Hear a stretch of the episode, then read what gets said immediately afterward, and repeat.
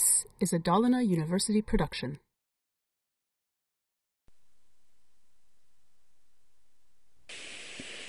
Jaha, då gör vi ett exempel på hur man slumpar ett tal mellan 8 och 17.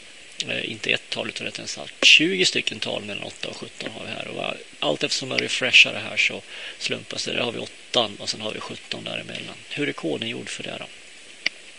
Jo, jag har gjort en funktion som heter slumpa mellan min och max. Och den här funktionen tar då startvärde och maxvärden. Mellan de här två värdena ska det slumpas ett tal, ett heltal. Eh, den funktionen anropas vid händelsen onload för den här bodyn. Så när dokumentet laddas så körs anropas funktionen slumpa mellan min och max. Så skickar jag med vilka två tal vill vi slumpa mellan? Mellan 8 och 17 här.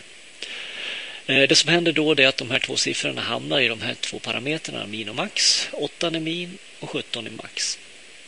Eh, sen börjar det här med att eh, jag gör ju en punktlista och jag börjar skriva ut UL-taggen och sen däremellan på raderna 19 till 20 så gör jag en for loop som körs 20 gånger. Och för varje varv i loopen så börjar jag slumpa.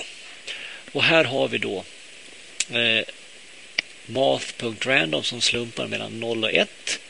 Eh, så den slumpar det. Sen tar jag det gånger maxvärdet minus minvärdet och plussar på med min. Så det här eh, värdet som blir där, det kommer att bli då ett tal mellan 8 och 17. Och det jag avrundar jag sedan. Eh, så att vi får rätt avrundning. Och därefter så skriver jag ut slumptalet i den här LI-taggen. Men det som är intressant här då, det är hur man använder Math Random. Det här har jag tagit ifrån eh, Mozillas hemsida om hur man då kan eh, slumpa mellan max och minvärden och då har vi dem här den funktionen returns a random number between min och max. Så då har jag tagit deras sätt här. Och det är under den här Mozillas hemsida Core Reference 1.5. Den har ni känt till sedan tidigare. Det är därifrån jag har tagit det och använt det i min kod.